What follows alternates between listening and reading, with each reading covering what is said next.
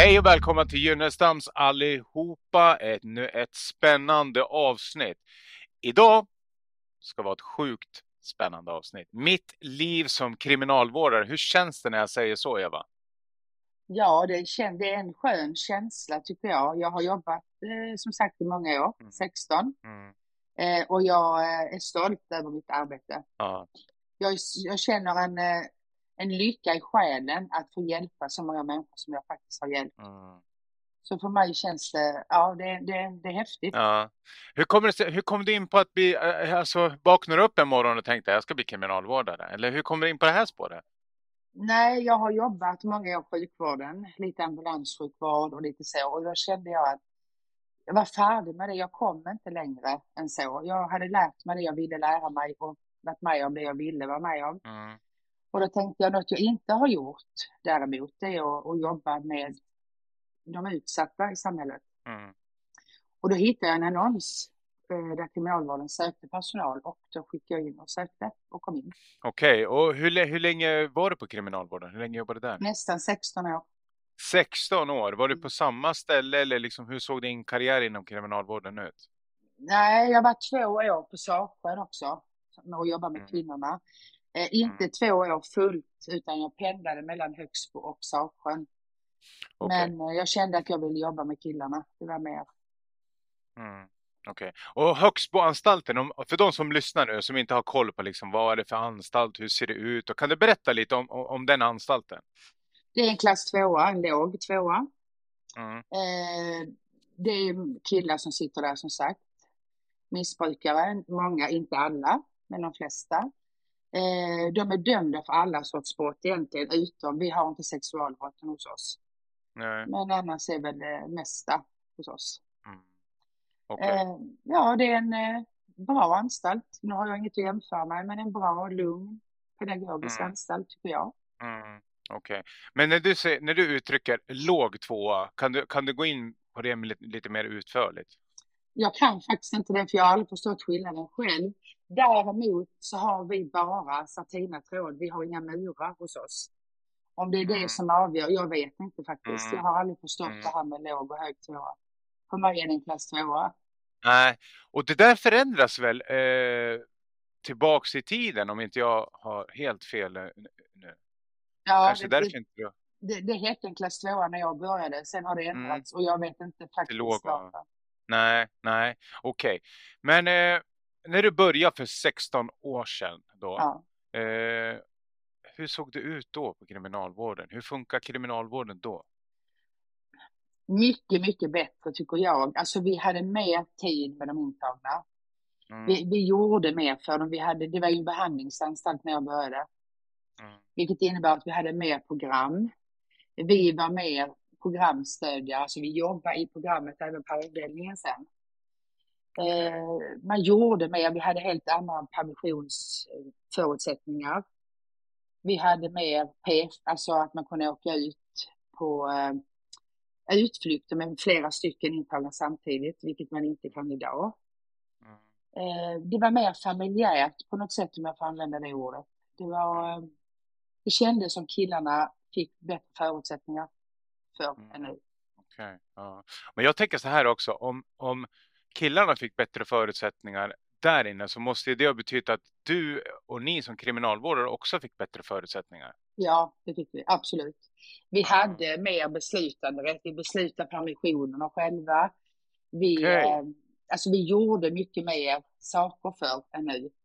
Mm. Eh, nu är man, och jag skäms inte för det, för nu är man en kriminalvårdare och jag är nöjd med det jag vill. Nej. Men eh, det förändrades både för oss personal men även för de intagna. Jättemycket Mm. faktiskt. Mm. Men eh, alltså under dina år, alltså jag hör ju, det är jättemånga, jag vet inte vilken jag ska haka på, vilken av förändringarna jag ska haka på. Hur många omorganiseringar eller hur många förändringar har du upplevt under de här 16 åren? Fyra och jag var på väg in i den femte. Omorganiseringar alltså? Ja, där man har gjort om alltså stora, stora förändringar. Ja. Hur har det påverkat ditt sätt att arbeta med de intagna? Jättemycket. Eh, dels för att jag själv har blivit otrygg, man inte vet. Vågar man satsa allt här eller kommer nästa? Eh, eller när kommer nästa? De intagna har ju blivit jätteoroliga. Eh, de har svårt att anpassa sig till nya regler som kommer. Många har ju diagnoser och så, så de, de vill liksom hålla sig till samma. Förändringar är inte alltid bara positivt. Nej, nej, jag hör vad du säger. Men hur, alltså jag tänker så här, vad, vad, vad, är det som sker? Kan du ta ta ett fall, ta en omorganisering, ungefär hur, vad som hände, hur det gick till, hur det utvecklades? Oj, eh, till exempel så hade de en egen kiosk från början där de stod i kö, precis som du står i kön till en kiosk ute i samhället. Mm. Det tog man bort och då blev det istället att de skulle fylla i blanketter mm. som sen skulle gå vidare. De hade ingen möjlighet att ändra sig. De eh, kunde inte titta på vad de ville ha. De, de, liksom om, om jag går och handlar så köper jag det som jag är sugen på för dagen.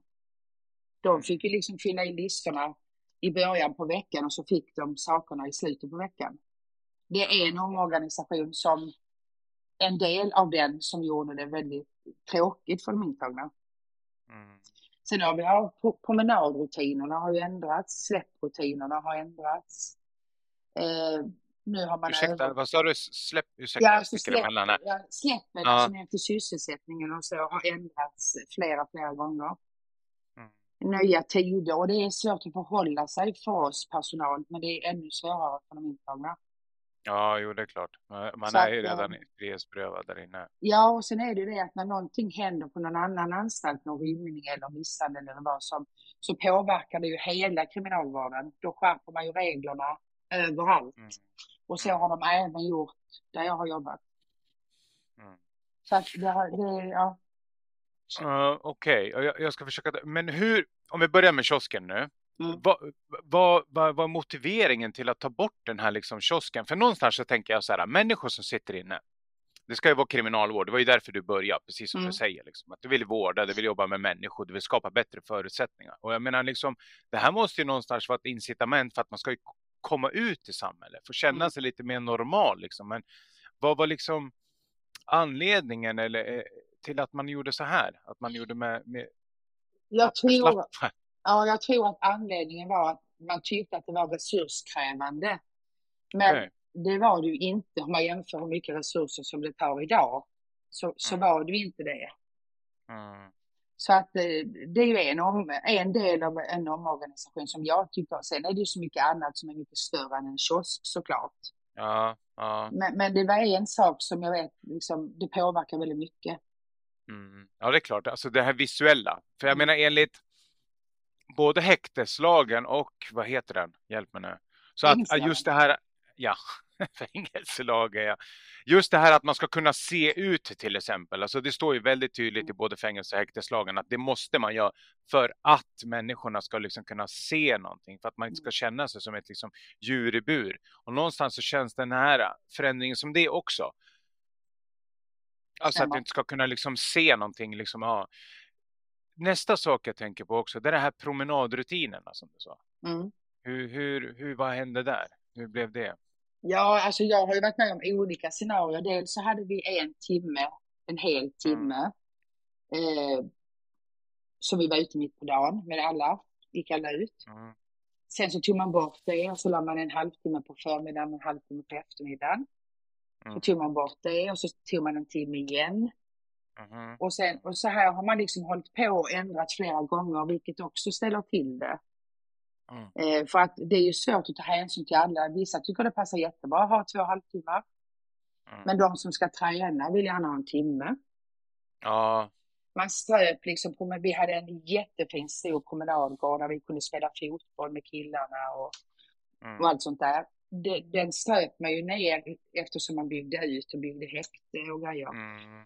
Så nu har de liksom inte så mycket att göra längre. De har ett utegym har de fått. Men mm. sen har vi inte så mycket mer för killarna att göra på den stunden. Men hur ser det promenadgården ut på, på Högsboanstalten? Alltså om du pratar om... Nu är den liksom bara, du kan, den är inte så stor, du kan gå runt bara och sen är det ett mm. litet uh, utegym.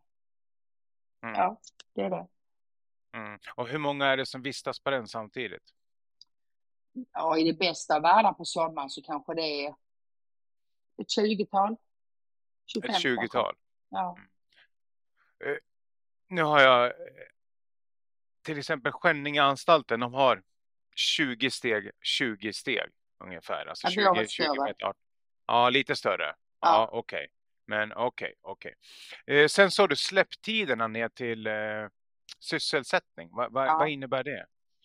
Det innebär också att man har ändrat tiderna. Eh, först var det halv åtta, sen blev det tio i åtta. Alltså minuter hit och dit. Tio minuter fram, tio minuter bak. Vilket är svårt för dem som inte har koll. Ja. Vilket är svårt för väldigt många intagna. Och sen har man också ändrat att man släpper avdelningsvis upp, avdelningsvis ner. Mm. Eh, vilket det kan jag tycka är positivt, men det, det är liksom det blir så många förändringar med, med inte jättelångt mellanrum och det, det blir Ja. jättesvårt att jobba så. Mm. Och nu kommer punchlines-frågan. Vad händer? Vad händer med de intagna? Hur märker ni på det här? Blir det mycket bråk? Blir det tjafs? Blir det konflikter? Hur ser det ut och vad händer? Alltså killarna blir ju, de blir ju trötta för dels när de inte kommer i tid så får de en misskötsamhet. Men sen får vi inte glömma bort att de kan också förstå och vänta på till exempel om det kommer in en lastbil på gården. Mm. Då får de ju stå och vänta tills lastbilen är ute. Mm. Och det innebär att de kan få stå och vänta tio minuter innan släppet kan gå. Det är klart Ja. att de blir irriterade och frustrerade. Det hade jag också blivit Mm. tror jag. Mm. Och då, då tar man liksom ingen hänsyn till det direkt utan släpprutinen, släppet ska bara genomföras. Men då blir, Ja. de blir jätteirriterade och det här skapar ringar på vattnet. Ja, ja. Vad, vad, vad, vad har du sett? Vad, vad är det som händer på avdelningen? Vad händer på sysselsättningen? Vad liksom... Alltså många killar, de vill ju inte gå till sysselsättning för de är trötta på att stå och vänta. De, då står de alltså bakom en gallongrind och väntar i trappen. Ja. Eh, och det vet jag inte om det är det optimala att stå så, men de gör det i alla fall. Mm. Och de blir trötta, de vill inte gå ner. Och sen när de väl kommer ner till sysselsättningen så finns det inte något direkt att göra för dem. De packar diskmaskinstabletter, de packar, jag vet inte vad de gör, men liksom det är inget som de tycker är så givande. Precis. Eh, Så summan av det hela blir ju att de arbetsvägrar. De, inte gå, de sysselsättningsvägrar och det är ju inte bra. Nej. Och då blir de kvar på avdelningen. Ja, det blir det. Då, då Ja. blir. Ja, blir. Vad gör de på avdelningen? Vad händer där? Under sysselsättningstiden så är de inlåsta på sina ben. Alltså det är fem, det är som en korridor, det är fem bostadsrum på varje ben. Och då är de inlåsta på benen bara under sysselsättningstid. Och då tittar de på TV, de kanske sover, vissa av dem. Sitter och snackar, kanske spelar något, jag vet inte. Men TV är det Alltså-. Det låter som en väldigt ostimulerad miljö. Ja. Alltså att det har blivit det. Nu, nu, menar, Ja. nu menar inte jag att vara offensiv så, utan det, det låter ändå liksom som Ja, du har fyra väggar, that's it liksom. Det Mm. finns ingenting att göra på en sysselsättning. Du är inlåst 23 timmar per dygn, eller? Mm. Ja, i princip. Ja. Ja, du, är ute, du är- ute i gemenskap utanför sysselsättningstiden är du ju. Ja, okej. okej. Men, ja. Men- Mm. Konflikter på avdelningen, hur har det utvecklats och hur har det sett ut liksom? Ja, det har ju eskalerat jättemycket. Det har ju varit eh, mycket, men det är i perioder, men det har varit mycket uthutningar. De uthutar varandra. Eh, nu är det ju dubbelbeläggningar, vilket ställer till det otroligt mycket. Okej. Eh, vi låter ju två personer sova i samma rum. Vi har ju ingen aning om vad de har för känsla eller kännedom om Nej. varandra. Det är ju ingenting Nej. som står i några papper när de skrivs in. Det gör inte det? Nej, inte allt. Inte, inte personliga eller privata saker Mm. Nej. Eh, alltså många mår ju dåligt såklart av att sitta frihetsberövad och det, det finns inget utrymme för deras känslor när de sitter i dubbelbeläggningar. Nej. Och det är klart att får du ett dåligt besked, du har ingenstans att ta vägen och det är någon som säger något olämpligt, ja då smäller det ju. Det är ju klart. Ja. Så det är mycket uthotningar för det kommer fram saker eh, och så ja, hotar de ut varandra. Så vi har haft mycket uthotningar det senaste. Okej, mycket, mycket outgjort. Mm. Okej. Men eh, stannar det ofta där vid hot eller brukar det, hur ofta smäller det som du säger? Nej, men det gör det ju, tycker jag, förvånansvärt mycket nu också den senaste tiden. Att det är många som Mm. får stryk. Mm. Eh, och det är ju ja, vi försöker ju vara ute så mycket som möjligt, men vi kan ju inte upptäcka allt heller. Nej, nej, nej, herregud, det vet jag ju. Det, det går ju inte, men, men samtidigt så försöker vi känna av, känna vibbarna. Mm. Är det någonting som är konstigt, då kan vi flagga upp eller man plockar ut ett par killar och frågar, är det några problem? Mm. Eh, och så. Det, det är ju alltid tråkigt när det händer, men, men eh, som sagt, det händer. Mm. Om- du kan beskriva alltså en, om du tar som ett fall, en fallbeskrivning, nu, liksom en, Mm. en konflikt, hur det kan gå till från start till slut, liksom, utan att nämna namn givetvis. Jag Mm. förstår ju att du, du, du är under sekretess. Hur Mm. kan det se ut? Vad kan hända? Liksom? Vad är typiskt? Vi hade en, och den är, det är den värsta jag har faktiskt varit med om under mina 16 år. Eh, då var de beninlåsta på sitt ben. Och detta var precis innan vi skulle gå runt och börja låsa in dem på sina bostadsrum. Eh, då var alla killarna inlåsta på samma ben och då var det en som bankade på rutan och jag var den som kom ut från expeditionen. Man försöker ju liksom göra det sista på jobbet innan man låser in dem. Mm. Eh, och när jag kom till det här benet då ser jag en kille som står där och han är helt nedblodad och liksom, ja. Han har fått så mycket stryk den här killen och jag öppnar ju självklart benet, alltså Mm, mm. Varpå han i princip ramlar i mina armar. Och jag blir ju helt, nu har jag varit lite i ambulansen så jag har ju sett mycket men jag blev helt chockad när jag stod där med en blodig person och, och i mina armar. Så att jag satte mig på golvet med honom och drog mitt allra första larm.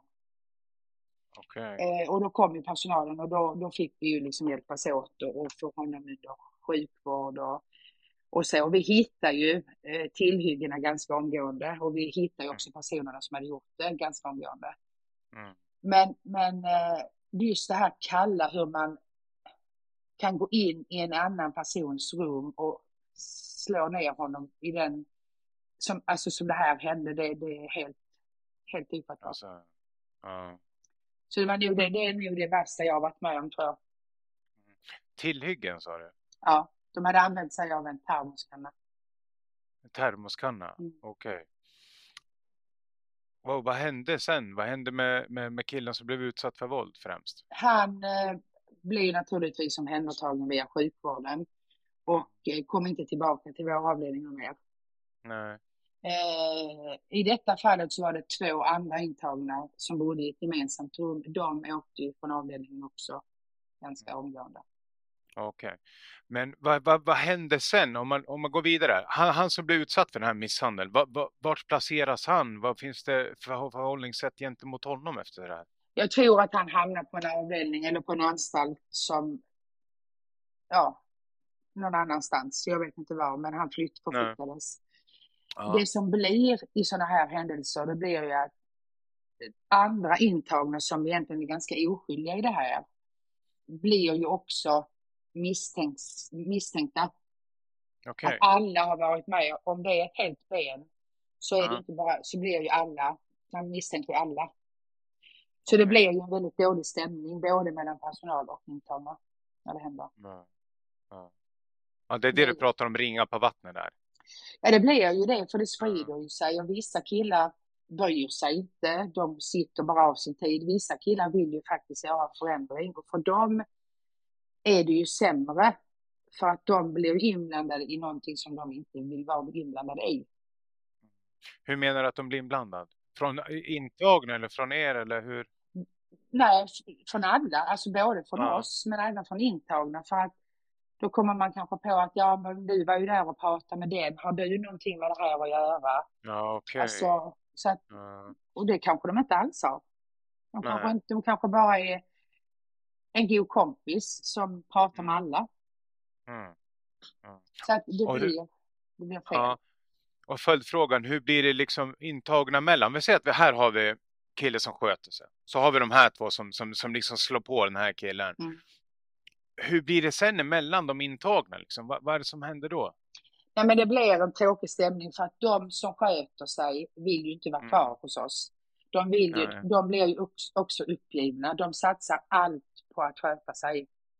Och så händer sånt här och då, de tappar ju också fattningen. Liksom. De, Ja. de, ja, de, de eh, deppar ihop. Det blir, det blir tråkigt. Ja. Och hur blir, alltså, när, när, jag, när, jag, när jag tittar på dig nu, när du pratar om det, jag, jag känner liksom uff, att det här påverkar ju dig, Mm. dig som verkligen vill hjälpa de här. På, på vilka sätt påverkar det dig som kriminalvårdare? Alltså jag tycker ju dels så tycker jag att det är hemskt att vi personal, vilket jag också vet är en omöjlighet, men att vi inte ser det tidigare Mm. och kan hjälpa till att förhindra det. Det tycker jag är, är synd. Sen vet jag också att när det blir sådana här stora saker så drar man oftast in på någonting. Det kan bli att man drar in på att man inte får grilla. De kanske drar in på någonting annat som gynnar killarna. Okej. Och då drar man ju in det för alla, inte bara för Ja. dem som gynnar, utan då åker ju alla på, alltså på samma. Och det är också Kollektiv tråkigt. bestraffning? Ja, det blir kollektiv bestraffning. Okej. Och det blir tråkigt för det, det är så, så vill inte jag jobba egentligen, men, men så blir det. Men jag tänker så här. Du som kriminalvårdare. Okej, du är där för att hjälpa grabbarna. Så vet du att okej, här har vi identifierat problemen. Det var de här två. Och, och så får de åka till en annan anstalt. Så de som är kvar får bära straffet egentligen. Ja, så kan man säga. Ja. Och, va, och hur är det för dig då? För jag hör ju att det här, går in, det här är inte förenligt med hur du vill jobba. Det förstår jag. Hur är det för dig då att bära det här beslutet till dem? Att okej grabbar, nu blir det ingen gym. Det blir ingen grilla. Det blir inte det. Hur, hur, liksom, vad, vad händer med dig i din yrkesroll? Jag tycker ju att det är fel att bestraffa alla. För att man får inte Mm. glömma bort att det är inte alla som är inblandade. Nej. Så att jag tycker inte att det är ett, ett okej sätt att göra mot alla. Mm. Jag tycker inte det. Har man nu tagit bort, sen kan man aldrig säga att man har flyttat rätt person om inte man har Nej. tydlig bevisning. Nej. Men sen om det kanske är någon annan som hade varit inblandad som inte man har tagit, ja men då är det så. Ja. Men jag tycker inte att alla ska straffas för det. Nej. Jag tycker Nej, det är klart. Nej. Otroligt spännande det här. Vi ska gå till en kortare paus nu, så stay tuned.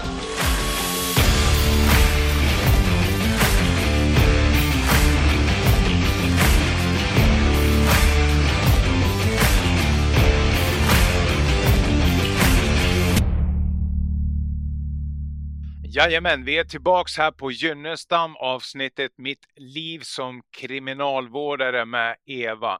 Eva, direkt in på roller. Och då menar jag inte din roll som kriminalvårdare, som anställd kriminalvårdare, utan vilka roller kan du se hos en personalgrupp? Alltså vilka roller tar den olika personalgruppen? Till exempel beskyddaren, möjliggöraren, let go eller... Ja, Mm, jag förstår. jag förstår. Ja. Eh, ja, det finns nog alla sorter. Jag har väl jobbat med de flesta. Jag Mm. är då personen som... Eh, jag är fyrkantig, absolut, men jag är Mm. också väldigt rund i hörnorna. Jag Ja. håller mig till regelverket och, och kliver inte över det. Nej. Men jag, jag kan dra det liksom till gränsen. Jag, jag är nog den som hjälper och jobbar intensivt med killarna. Mm. Sen har vi andra roller, de som egentligen inte bryr sig om personen som sitter där. Mm. Utan som eh, gärna skriver misskötsamheter på det mesta. Och som jagar problemen. De har vi. Okej. Mm. Eh, sen har vi personer som utför väldigt mycket härskarteknik. Bland personalgrupp. Ja, men utför härskarteknik, alltså man kan trycka ner en annan personal. Ja, Ja, härskarteknik. Jag hörde inte. Ja, Okej. Ja. man kan trycka ner andra personal som inte gör som den vill kanske. Okej. Eh, man eh, är inte där för klientens bästa. Mm. Finns det också de som är, utan de är där för att de har ett jobb. Ja, Okej. Ja. Eh, ja, Ja. Men vad, det är väl de rollerna som man kan säga. spontant, det, jag kommer i kontakt med, det jag tänker på, det är liksom om du kommer in här, Eva, som hjälpare, du, du vill liksom hjälpa den här personen att liksom studier till exempel, eller mot sysselsättningen och, så går man ut, för man kan ju inte gå själv på avdelning, det vet jag. Så kommer du ut med någon av de här som liksom ska jaga, eh, ska jaga misskötsamheter och härskartekniker. Vad, vad, vad kan hända då? Hur, hur kan det bli fel? Mm, Utan att sätta mig själv på en jättepiedestal så har jag aldrig haft några problem. Ja, det får du gärna göra. För att jag har faktiskt haft väldigt mycket respekt både från intagna och från personal. Ja. Eh, många har lyssnat på mig, dels för min erfarenhet och kunskap, men också för att jag har jobbat länge. Och jag är ju inte någon person som stöter mig med killarna. Så därför så har jag ju oftast de flesta på min sida. Om Ja. man får säga så. Ja. Men sen är det klart att beroende på alltså vem man får som kontaktperson så får man ju olika mycket hjälp. Mm. Och det ställer ju till för att de flesta, de många intagna, vare sig de är mina eller inte, kommer ju till mig. Okej. Eh, och det blir ju inte heller så bra så att man, man, man får nog titta över lite grann. Var, var, varför är man där? Och vad är det man ska göra när man är i kriminalvården Mm. som personal? Ja. Eh, tycker jag. Ja. Jag tänker så här, ja. Okej, jag ska ta ett annat scenario nu. Är du med då? Du som har jobbat så pass länge, vad händer när två med härskartekniker kommer ut på en avdelning och, och, och ska genomföra någonting med, med, med en intagen? Då blir det problem, kan det bli problem. Hur kan det se Då ut? kan det bli, nej men då blir det ju, då blir det ju att de står och, och munkäftar med varandra. Mm. Och sen kan en av dem göra det. Vi backar ju upp vi andra. Vi finns Ja. ju där för man ska ju backa varandra. Eh, och då säger man en standardfras som jag personligen inte gillar och det är följande. Om du fortsätter så här så drar jag ett larm. Mm. Men varför säger man det? Det är väl bara att dra ett larm om man tycker att man måste. Mm. Man ska ju inte säga till den intagne, fortsätter du som du gör nu så drar jag ett larm. Mm. Och det blir ju lite roligt. Så då liksom, det blir ju problem. Det blir mycket käftande, det kallar saker och den som blir, får ta smällen, det är ju den intagne. Okej, okej. Kan du dra eh, en, eh, en fallbeskrivning nu då? Fallbeskrivning säger jag. Kan du dra ett ärende eller ett intagna eller ett, en larmsituation? Det tog två år innan jag kom fram till det där. Ja, vi har, ja, jag kan dra en, en Mm. eh, som jag inte förstod varför det blev ett larm. Mm. Eh, och det var en, en intagen som vägrade att gå in på sitt bostadsrum Mm. på kvällen när man skulle låsa in. Han satt Mm. i soffan i, i eh, centret där. Och han vägrade gå in. Och då eh, ja, gick ju personalen dit och sa till honom att ja, men nu ska du låsas in och hit och dit. Men han sa att nej, jag känner inte för det idag, jag vill inte. Jag vill Mm. inte gå in. Mm. Eh, och det här blev ju, det kom ju mer och mer personal och så. Och till slut så drog man ett larm för det. Mm. Och då kom ju alla liksom springande. Det var ju jättemycket folk då och då eh, ja, satt man och diskuterade med honom och tiden gick och vi stod säkert där i nästan 40 minuter innan vi fick in, innan han liksom och sen till slut så är det en person som säger, nej men kom igen nu. Ja, då reste han sig och gick in. Jaha. Men istället för att om man drar ett larm i en Ja. situation så ska Ja. man förflytta klienten direkt tycker jag. Ja, ja, Då ska man inte stå och tjafsa med honom Mm. där det står fullt med folk runt omkring i 20 minuter till. Nej. Men vad händer, vad händer när ett larm går då, för de som lyssnar nu då? Som inte vet. Alltså, Nej. ja. När det går ett överfallslarm, när någon drar ett larm, då blir det så kallat fryst läge. Mhm. Och, när, och då spelar det ingen roll var man befinner sig. Är man i, är man i sysselsättning så stannar man där. Mm. Är man på avdelningen så låses man in på sina ben. Är du i gymmet så plockas du upp och låses in på benen. Är du i matsalen så kan du få stanna kvar i matsalen eller så blir du förflyttad till avdelningen Okej. och blir inlåst. Så då är det liksom, då flyttar ingen sig. Nej. Och där på avdelningen, vad händer där inne? Om, om vi säger att Ja. den där personen trycker larmen nu och han vill inte gå in. Vad händer på Ja. avdelningen då? Alltså ki- många killar tycker att, att han är löjlig som inte reser sig och går in. Mm. Men det blir ju problem för att alla andra låses ju in. I detta fallet låste man ju in de andra i sina bostadsrum. Mm. Och han satt kvar där ute. Men då blir det ju liksom, det blir ju en snackis för att det här blir ju återigen en, en, en kollektiv bestraffning. Mm. På vilket Kan sätt? det bli. Ja. Nej men det kan ju bli kanske att man hade bestämt att man skulle göra någonting dagen efter så blir det inte det. Eller att man, eh, alltså sen kan det ju vara andra killar som blir irriterade på honom som har gjort det. Mm. För att när det går ett larm så håller du på med kvällsmaten till exempel, då åker du in. Okej. Då får du ingen kvällsmat. Eller om du Ja. håller på med att tvätta till exempel, ja, då får det vara.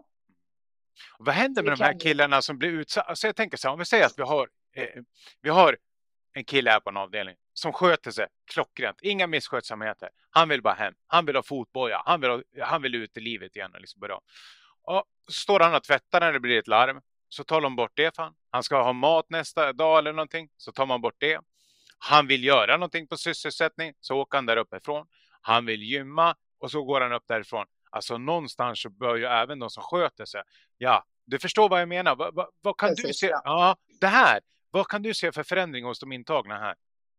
Alltså det, här- det blir ju stora förändringar för att man ser en uppgivenhet hos de här killarna. Ja, Alltså när man hör, när man har jobbat med en kille som jag har gjort många gånger som precis allt du säger, sköter sig, inga misskötsamheter, eh, tid, passar tiderna, är trevlig mot medintagna, mot personal, gör allting sånt här. Och när, när det händer sådana här saker, Mm. mycket som det kan göra ibland i perioder, det är väldigt sorgligt att höra den killen säga att jag skiter i det här nu, va? jag skiter i min utsluss, jag skiter i.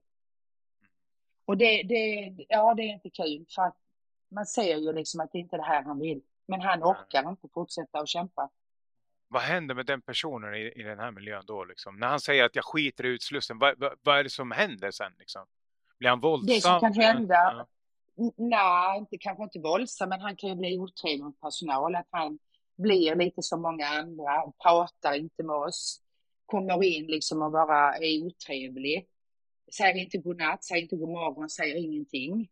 Mm. Eh, går inte ner på sysselsättning, det blir en massa misskötsamheter. Och sen så är det ju liksom, Ja. och det, det, det är inte roligt när det blir så för att man, vissa killar vill komma ut därifrån och inte komma tillbaka. Nej, det är jag Så- med på. Men vad händer alltså i din roll nu?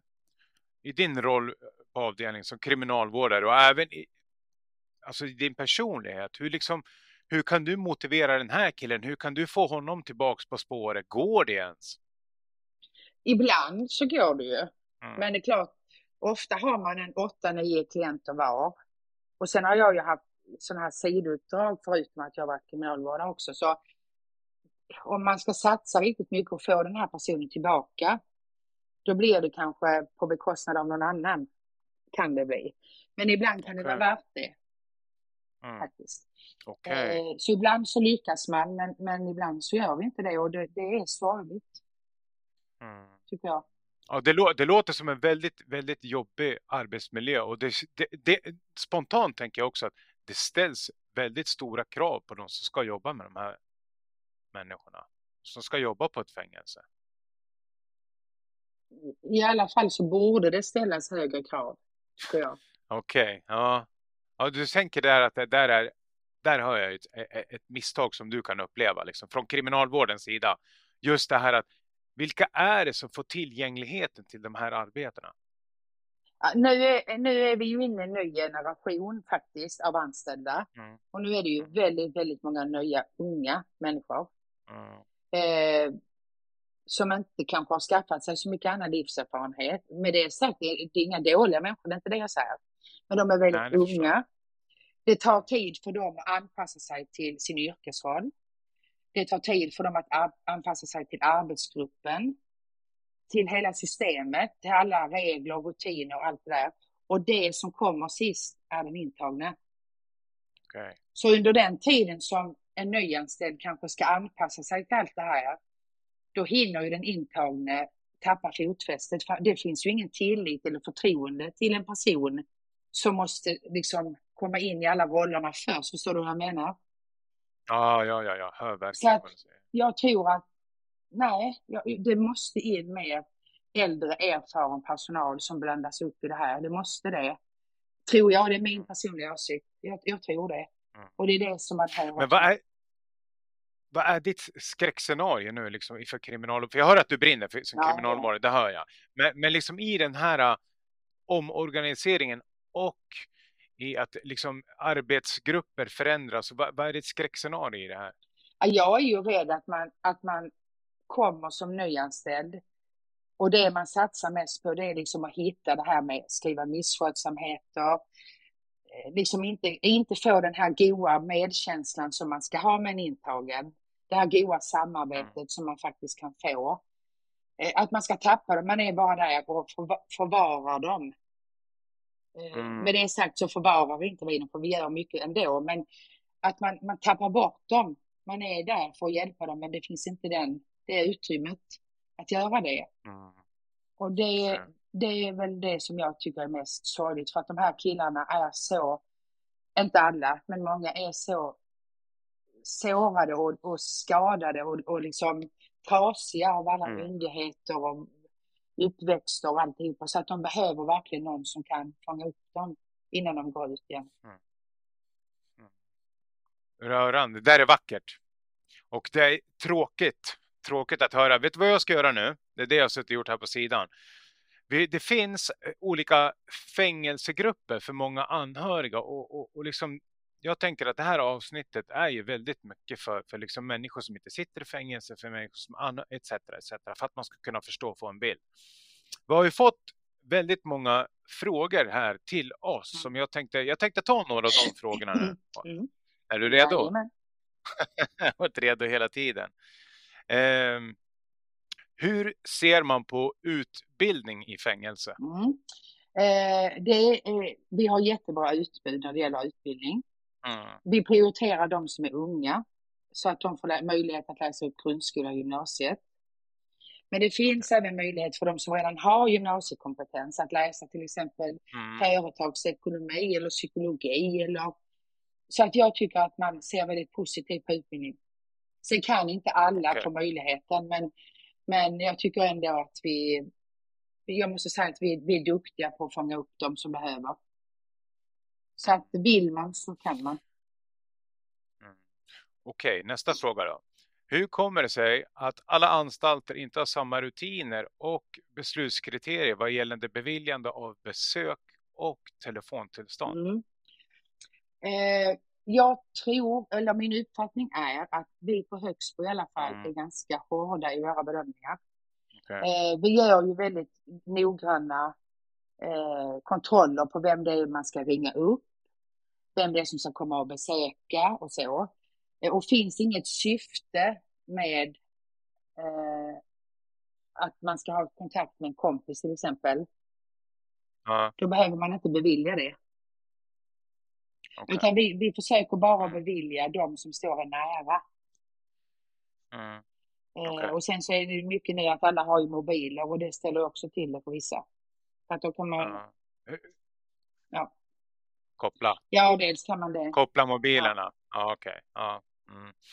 Eh, nästa fråga då.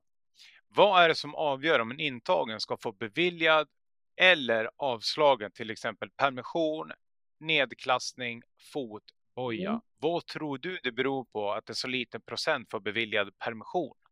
Ja, det är, alltså när man döms så får man ju en, en lagstadgad kvaltid i domen så att säga. Det är ju den som gör, du kanske får två månader extra säger vi. Och sen så kommer du till anstalten och då har man någonting som heter initialkollegium. Man sätter sig med sin kontaktperson och klienthandläggaren. Vad man då har gjort innan det är att man har tittat igenom hela, alltså tidigare verkställigheter, misskötsamheter, hur, ofta, alltså hur lång tid var personen ute innan han återföll i brott igen. Och då har anstalten rätt att lägga på ytterligare kvaltid, vilket alla, i alla fall Högsbo gör det. Eh, och det kan variera från två månader till åtta. Jag har väl varit med om sex månader som mest. Mm. Eh, jag kan tycka att ibland att det är hårt i den bedömningen, men det är min personliga åsikt. Och när man då får det så ska det då ha verkställt en fjärdedel av straffet också. Och har du då hög kvaltid, då blir det kanske ingen tid kvar att gå ut på permission till exempel, då får du ingen. Okay. Mm. Och sen eh, läggs det också, de som har särskilda villkor, det är de som har ett straff över fyra år, som hamnar mm. på Kumla, oftast Pritsen. Redan där gör man ju bedömningar hur utslussen ska se ut. Och då kanske man gör bedömningen att eh, utökad frigång, alltså fotboja, är inte aktuellt för dig. Okay. Eh, mm. Du kanske inte har möjlighet att komma ut på någon utsluss överhuvudtaget. Finns ju de som inte får göra, vilket är också sorgligt.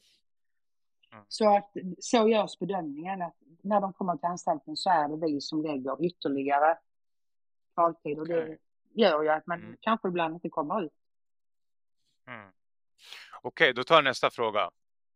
Tack så mycket. Den där, den där var jätteklock, den där var klockren. Jag, tycker. jag fattar allt av den där. Eller jag förstod, jag förstår varför det är skillnader. Förstår du? Jag förstår. För nu tänker jag så, som anhörig. Liksom.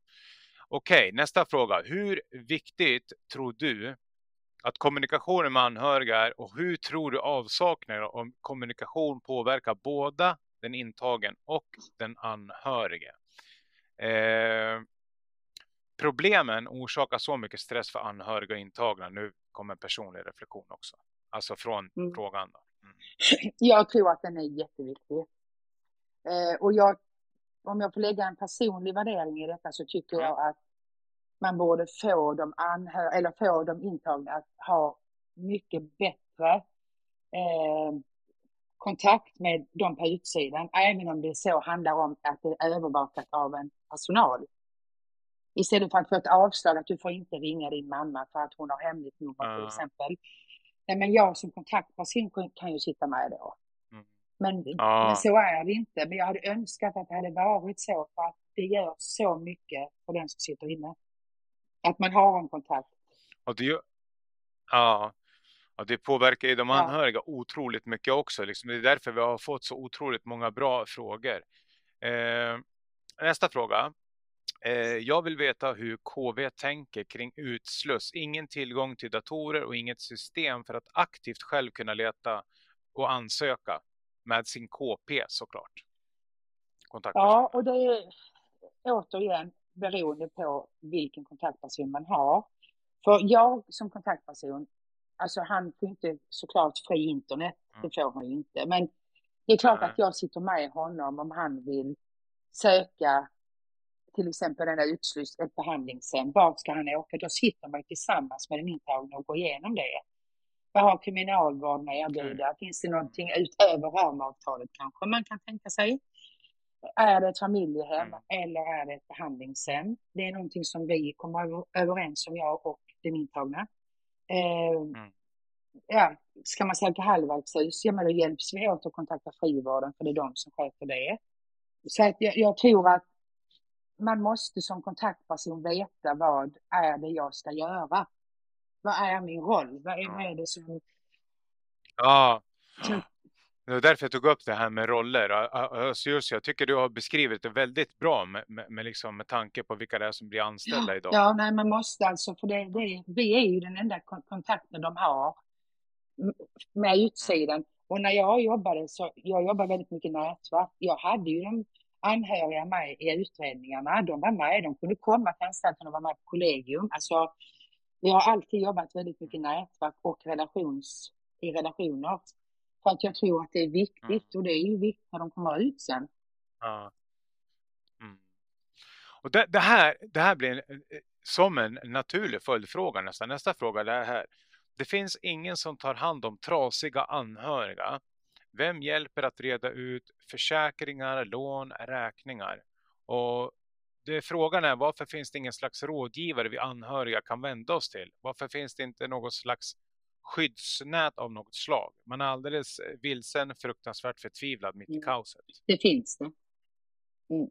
Okay. Det finns faktiskt ganska många, bara man blir upplyst om det. Så finns det. Vi har till exempel, bor man i Göteborg så har vi Solrosen som är väldigt bra med anhöriga. Sen har vi någonting som är riksomfattande som heter BUFF, B-U-F-F-F. Mm. De Mm. kan ju vara med till exempel anhöriga på olika möten och de kan hjälpa till med alla de här mm. frågorna. Mm. Vi har Anhörigas mm. riksförbund i varje mm. stad där man bor. Svenska kyrkan kan hjälpa till, har ju också mycket. Okay. Sen har vi någonting som heter Nationella mm. kompetenscentrum där man också kan vända sig och bli sedd och lyssnad på som anhörig. Så att det mm. finns, mm. man måste bara få någon som upplyser om dem och det gör inte alla då, men det finns. Nej.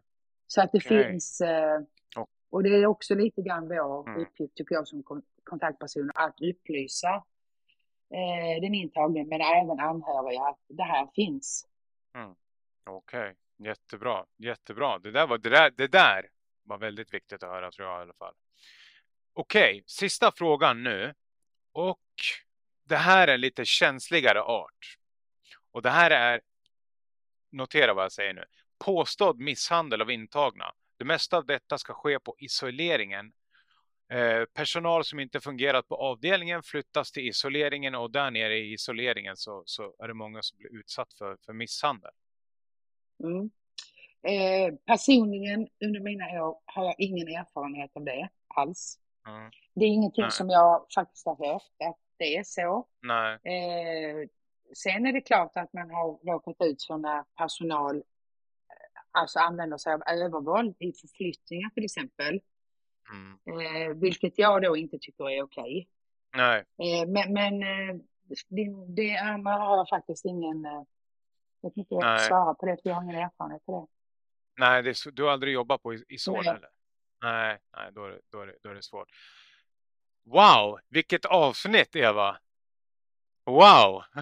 det här har varit häftigt det här avsnittet. Jag har bara ryckts med här och tiden har bara flygit iväg. Hur skulle du vilja sammanfatta det här avsnittet? Eller vad, vad är dina tankar kring allt vi har pratat om? Nu när jag har tagit steget och slutat i kriminalvården så efter det här avsnittet så ångrar jag mig lite. Om man säger så. Eh, wow. ja, men jag, jag saknar, jag saknar eh, att jobba med eh, de intagna. Jag gör det från hjärtat, verkligen. Eh, jag saknar fighterna att ta, för det, det, det har jag tagit några stycken. Ja. Kan du utveckla begreppet fighter? Ja, men alltså dels har jag fightats med kollegor som inte lyssnar riktigt på vart man vill komma och ibland så har vi faktiskt mm. vunnit fighten också.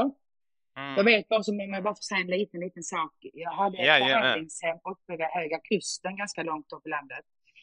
Och jag hade en, mm. en intagen som kom från Malmö som ville bort från allt. Jag sa, det är perfekt. Jag har hittat ett behandlingshem till dig i Höga mm. Kusten. Och då frågade jag den ledningen som satt på Högsbo då om jag kunde få beviljat att flyga upp med honom. Nej, det är klart inte får göra det. Det var enda sättet att komma dit. Men då drog okay. jag ärendet vidare till huvudkontoret. Uh-huh. Och så vann jag där. Så att jag hämtade honom med taxi 20 för 5 utanför anstalten. Och så åkte vi till Landvetter. Och så flög Ja, det där hade varit en dröm det där. Ut på studiebesök. Jag placerade honom där sen också. Oh, wow. Ja. Men det var lite häftigt faktiskt. Eh, sådana fighter gillar jag. Ja, ja det, alltså jag tror att de flesta som, som, som, lyssnar på det här som anhöriga hade verkligen älskat att haft dig som kontaktperson också. Det, det, det är jag helt, helt säker på. Mm. Ja, nej, jag, jag, ja, det, mm. det ligger mig väldigt, väldigt varmt om hjärtat fortfarande. Och mm. ibland blir man så glad när man stöter på gamla intagna på, ute på stan. Mm. Mm. Ja, vi får se om du börjar, börjar jobba inom kriminalvården igen då. Ja. en sån känsla att jag vill Ja, jag ser det. Fantastiskt, fantastiskt. Nej, men supertack för att du har svarat på alla de här frågorna. Jag tycker att jag har fått mycket, mycket klarhet i det här. Jag är jättetacksam att du tog dig tiden att svara på dem ur, ur de här fängelsegrupperna, anhöriga och allting. Och guld värde Så tack så hemskt mycket Eva. Tack själv, tack själv. Ni har precis lyssnat på ett avsnitt av Gynnestams. Kom ihåg att klicka prenumerera för att inte missa nästa avsnitt samt våra uppdateringar. Ni hittar oss även på Instagramkontot Gynnestams, på Facebook Gynnestams och inne på Spotify Gynnestams.